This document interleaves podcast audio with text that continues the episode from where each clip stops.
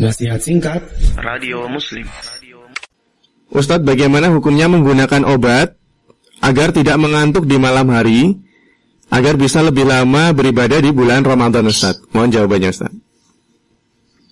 Baik, uh, ini kita jawab sebagaimana yang pernah kita sampaikan terkait dengan masalah orang yang haid menggunakan obat agar kemudian tidak haid misalnya atau seorang wanita. Maka kita katakan tidak perlu demikian, ya. Jadi pakailah yang alami saja uh, bahwa Allah tahu ketika kita capai ya kita istirahat ketika kita siap ibadah dengan malam agar kemudian itu ya kita ibadah. Jadi dibikinlah sebagaimana uh, kodrat.